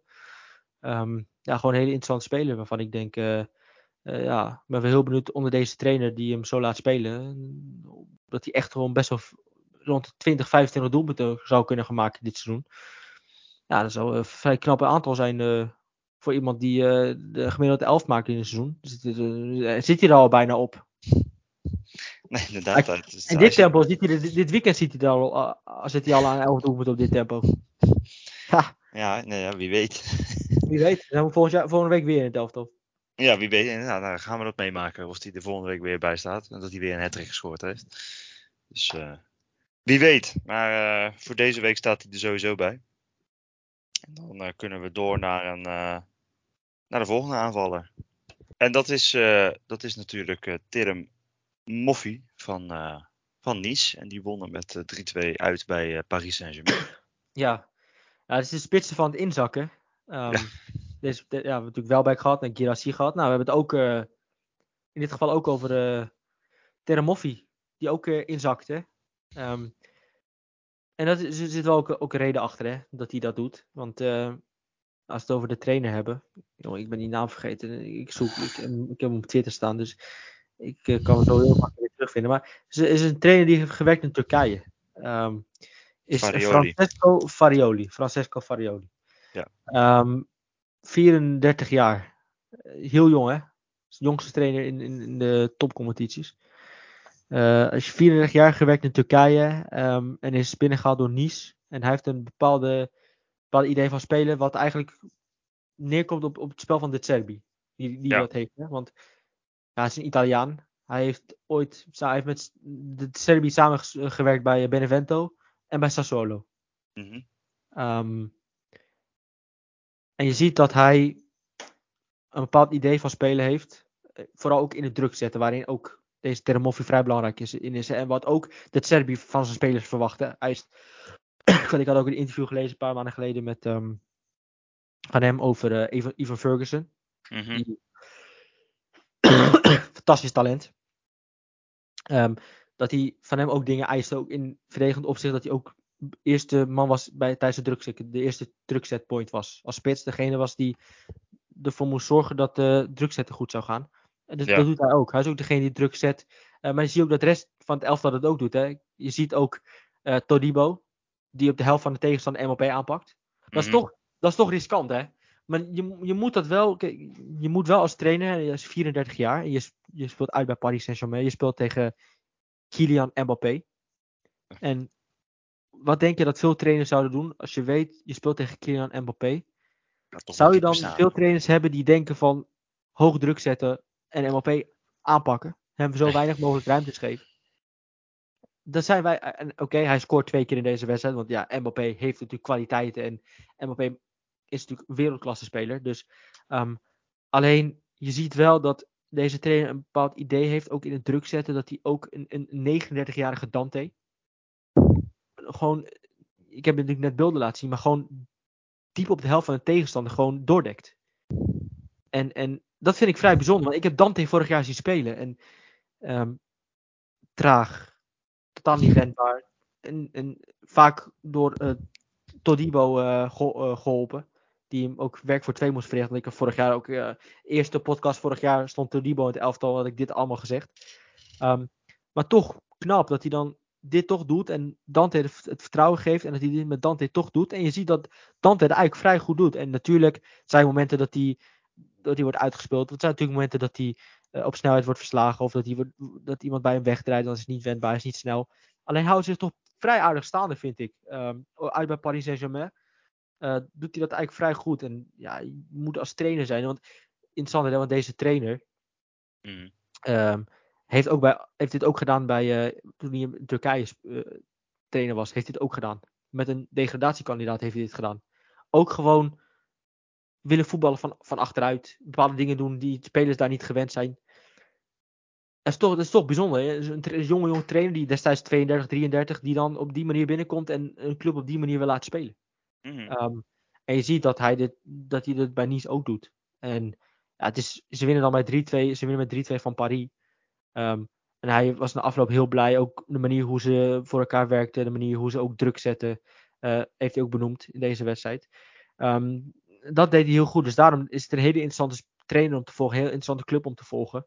Ja. want hij doet hele aparte dingen. Want toen ik dit als eerste zag, ik viel bijna van mijn stoel. Ik, zie een 39-jarige Dante die op, vol op de helft van de tegenstander loopt druk te zetten. Terwijl je toch als trainer zijde denkt, oké ja, Dante is traag niet wendbaar. Die wil je eigenlijk proberen in zo min mogelijk grote ruimte te laten spelen. Die wil je vooral uh, laag op het veld willen hebben met genoeg mensen om hem heen, zodat je hem een beetje kan helpen. Nee, mm Dante gaat vol druk, hoog druk zetten, vol doordekken op de helft van de tegenstander. Ja, dat doet hij het. En dat doet hij dat ook. En dat doet hij het eigenlijk best wel aardig. En uh, ja. dat vind ik mooi aan deze trainer. Um, en over Terramoffi gesproken, ja, we hebben het natuurlijk gehad over. Nu komen we terug op het feit wat we met Welbeck hebben gezien. Dat inzakken doet hij ook. Ook om die reden, om theories te kunnen creëren. Om uh, ja, belangrijk te zijn in het positiespel. Om mee te doen in het positiespel van de ploeg. Uh, ook gezien, hij is vrij lang, maar hij kan ook. Hij is ook wel prima bewegelijk. Mhm. Dat hij ook kan wegdraaien bij zijn tegenstander. En je zag ook wel dat hij op een moment in de. Even laten we eerst de, de assist erbij pakken. Hoe hij eerst toch wel knap Danilo Pereira uitspeelt. En de bal dan voorgeeft waar een doelpunt uitkwam. Maar ik vond de mooiste actie, en ik zou iedereen eigenlijk aanraden om die terug te kijken, is, stond 1-2 in de tweede helft. Ehm, stond deze Teremoffi, uh, die zakte wat in, zoals hij gewoonlijk doet. En nam dan een, man mee, in dit geval Skriniar. Um, en de manier hoe die onder druk heel kalm bleef en zijn, uh, teamgenoot aan de, aan de linkerkant vond. Um, en hoe hij dan op dat moment ook goed zijn, zijn, zijn lichaam gebruikt, gebruikte om weg te, om weg te draaien bij, eh, bij Skriniar. En de ruimtes die Skriniar achterliep, hè, want die achterliet, want ja, hij was daar weg. Hij trok hem natuurlijk mee uit, uit positie. En hij was dan degene die die ruimtes inliep. En hij is snel, hij is echt heel snel.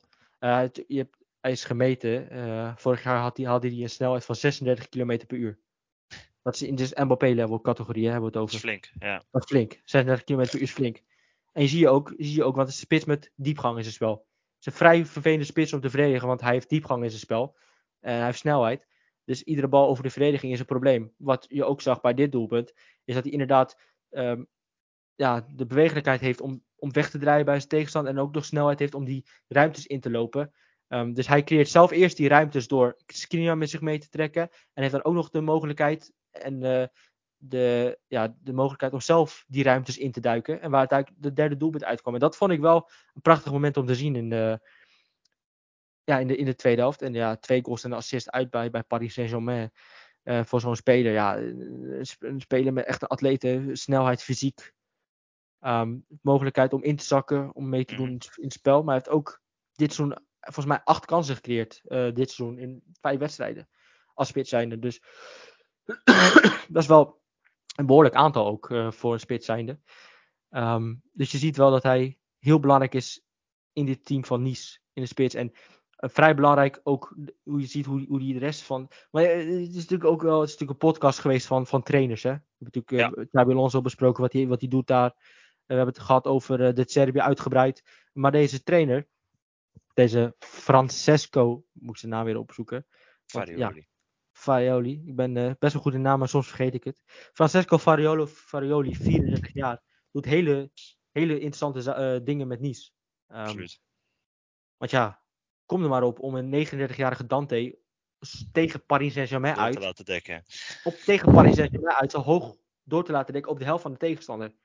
Dat moet je als trainer wel lef en durf hebben. En toen dacht ik wel van zo, ja, deze trainer die heeft wel een bepaald idee, een bepaalde visie. En daar, daar wijkt hij niet achter. Maakt niet uit, oh is het Dante 39 jaar? Maakt niet uit, hij doet het wel. En um, ja, dat vind ik wel interessant om te zien. Absoluut, dat, uh, dat is het zeker. En uh, het is, uh, wat is hij? hij is 24 ook pas, die ja. Dus, zeker. Maar goed, het voetbal van Nice is, is, is, is onder die trainer heel goed. Hè? Dus, Absoluut. Absoluut. En, en ze winnen met 3-2. En ja, het is gewoon de manier hoe ze, hoe ze zo'n zo tegenstander aanpakken. En, uh, maakt niet uit, uit bij Paris Saint-Germain, gewoon vol erop en doordekken. En, en, en oh, is het Mbappé, maakt niet uit. En, nee, maakt niet uit wie het is. We gaan, dat zorgt eigenlijk wel voor dat eerste doelpunt, hè? Mm -hmm. Omdat Todibo Mbappé aanpakt. Eigenlijk ja. gewoon rond de 16 van, gewoon echt rond de 16 van, van Paris Saint-Germain. Pakt hij hem aan. Uh, verovert hij de bal en dan komt het eigenlijk 0-1 uit. Ja, dat zijn wel dingen dat. Er zijn niet veel trainers die dat doen uit bij Paris Saint-Germain. Nee. Uh, maar hij is 34 jaar. Ja. Dus deze ja. jongen gaan we nog veel van horen. Uh, 34 Zeker. jaar, want dit, dit wordt de nieuwe De Serbi eigenlijk. Zo jong en dit is eigenlijk de tweede De Serbi.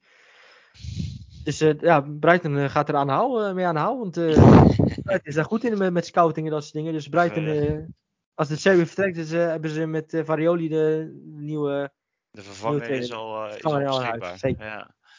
ja, inderdaad. Um, ik denk dat we daarmee naar de, de laatste speler kunnen in het elftal. Uh, uh, en dat is natuurlijk uh, Jeremy Doku van Manchester City. Die met, moet ik het even goed zeggen, 3-1 wonnen van, van de andere Europese kampioen. Weliswaar twee niveaus lager, maar toch West Ham United. Vond ik, vond ik heel mooi, heel mooi bruggetje. Ja, Ja, complimenten, mijn complimenten. Ja, Jeremy Doku, hè, want City is natuurlijk wel wat gebeurd, hè. Ik bedoel, uh, Cole Palmer is vertrokken, uh, Mares is vertrokken. Ja. En deze Jeremy Doku is gehaald. Um, fantastische voetballer. Als je, als, je, als je ziet, geef hem de bal en laat hem met snelheid en acties. Dan bezorgt hij in de verdediging ontzettend veel problemen. Want ontzettende techniek, ontzettende dribbelvaardigheden. Um, geweldige voetballer. En natuurlijk ook net beelden laten zien. En die Choufal die is nog steeds aan het zoeken. Ja, die is nog steeds uh, de weg kwijt. Die is nog steeds hem aan het zoeken. En uh, buiten dat hij dan ook. Uh, die aanval van City bij zijn doelpunt was heel mooi. Een mooi combinatiespel. dat hij dan heel goed naar binnen toe gaat en de bal heel mooi in de hoek plaatst voor een doelpunt. Mm -hmm. maar je ziet ook dat zijn acties. dat hij niet alleen maar acties aangaat, maar ook gewoon functioneel zijn. Waardoor hij ook um, iemand kan passeren en ook nog de bal kan voorgeven en kan creëren. Um, zoals dat idee met die kans van Haaland. Uh, dat hij inderdaad toeval passeert en die bal teruglegt voor de goal waar Haaland van had moeten profiteren. Eigenlijk, want de bal werd van de lijn weggehaald. Uh, dus wel als hij speelt en er gebeurde wel wat aan de linkerkant. Um, en het is wel een speler die echt een rasvoetballer is. Hè? Dat je hem, geef hem de bal en hij gaat lekker, lekker aan de actie en een dribbel beginnen. En we kijken wel waar het eindigt. Um, ik weet niet of, of Pep Guardiola heel erg blij hiermee is. Dat hij, ik, ik, denk dat Pep Guardiola, ondanks dat hij die geweldige wedstrijd speelde en nog scoorde en nog um, ja, echt compleet de alle kanten hoeken van het veld heeft laten zien. Dan weet ik niet of, want Jack Grealish was ook zo'n voetballer hè?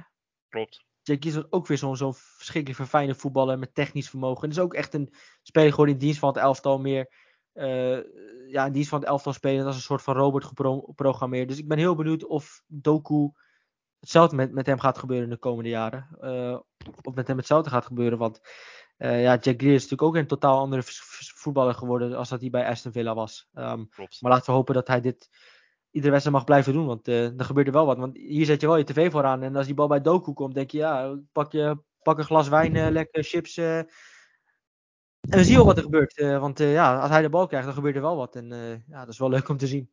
Absoluut. Nee, absoluut. Het is een, het is een, nog niet echt een, een City voetballer. Want ja, hij, hij dribbelt natuurlijk nog heel veel. Maar... ja, want heb iets gelezen van uh, Grealish. mensen, de, de voetballiefhebbers en zo, die zeggen ja, Grealish is niet meer de Grealish van, van, van Aston Villa. Maar Pep Guardiola is blij met hem, want Grealish doet heel veel dingen zonder bal. Mm um, zoals ruimtes maken, ruimtes trekken, in de bal komen. Dat is hoe Guardiola naar kijkt. Die kijkt heel anders naar dan. Die is niet zo per se, hoeft niet per se van hem, van die acties, die dribbles en dat soort dingen. Want Bernardo Silva is in principe ook een waanzinnige voetballer. Als hij technisch ontzettend geweldig. Um, alleen ook Bernardo Silva is een teamspeler. Uh, bij City. Die verschillende rollen kan bekleden en echt een teamspeler is. En ook meer in, in, in zichzelf in het team wegcijfert. Um, en dat is Grealish ook meer aan het worden. Ook meer echt, echt gewoon iemand die ruimtes trekt, ruimtes maakt. In plaats van echt de voetballer die er was bij Aston Villa. En daarom is het leuk om Doku zo te zien. Omdat het Klopt. lijkt toch iets anders bij City dan uh, we gewend zijn bij City. Klopt, het is, uh, hij, is, hij is nog niet helemaal aangepast aan het, uh, ja, wat is het? Ja, het stramien van de trainer, hè, eigenlijk. Dus hij. Uh, dus ik ben heel benieuwd. Ik ben ja. heel benieuwd of, of, dit, of hij, waarschijnlijk wordt hij ook geprogrammeerd de komende uh, jaren. En hij zou het ook tijd nodig hebben. Maar uh, ik vind het leuk om te zien, want je ziet toch wel echt een rasvoetballer bij City nu aan die linkerkant. die gewoon zijn acties maakt. en dat is toch wel leuk om te zien. Want als voetballiefhebber is dat toch natuurlijk wel het leukste om dat soort spelers te zien. Die scheid hebben en gewoon lekker de acties blijven maken. Absoluut. Dat, dat sowieso, ja. Het is uh, interessant om te zien of hij het, of die dit blijft doen. Of dat het inderdaad. Uh, ja, Guardiola kennende zal er ongetwijfeld. Zal hij ongetwijfeld vol met tactieken worden gegooid en dat soort dingen. Um, maar het is, nu, het is gewoon leuk om te zien. De docu die nu, nu. En ik ben heel benieuwd. Hè? Misschien over een paar maanden zitten we hier en dan hebben we het weer over de, de nieuwe docu. Ja, wie weet. Wie weet, dat gaan we zo meemaken. Um, ik denk dat we het allemaal gehad hebben. Ik denk het ook. Ik ben er klaar ja, mee. Ik zit hier al bijna twee uur. en uh, dan uh, wil ik iedereen weer bedanken die natuurlijk helemaal afgeluisterd hebben. En ook degenen die dat niet gedaan hebben voor het luisteren. En dan tot, tot de volgende weer.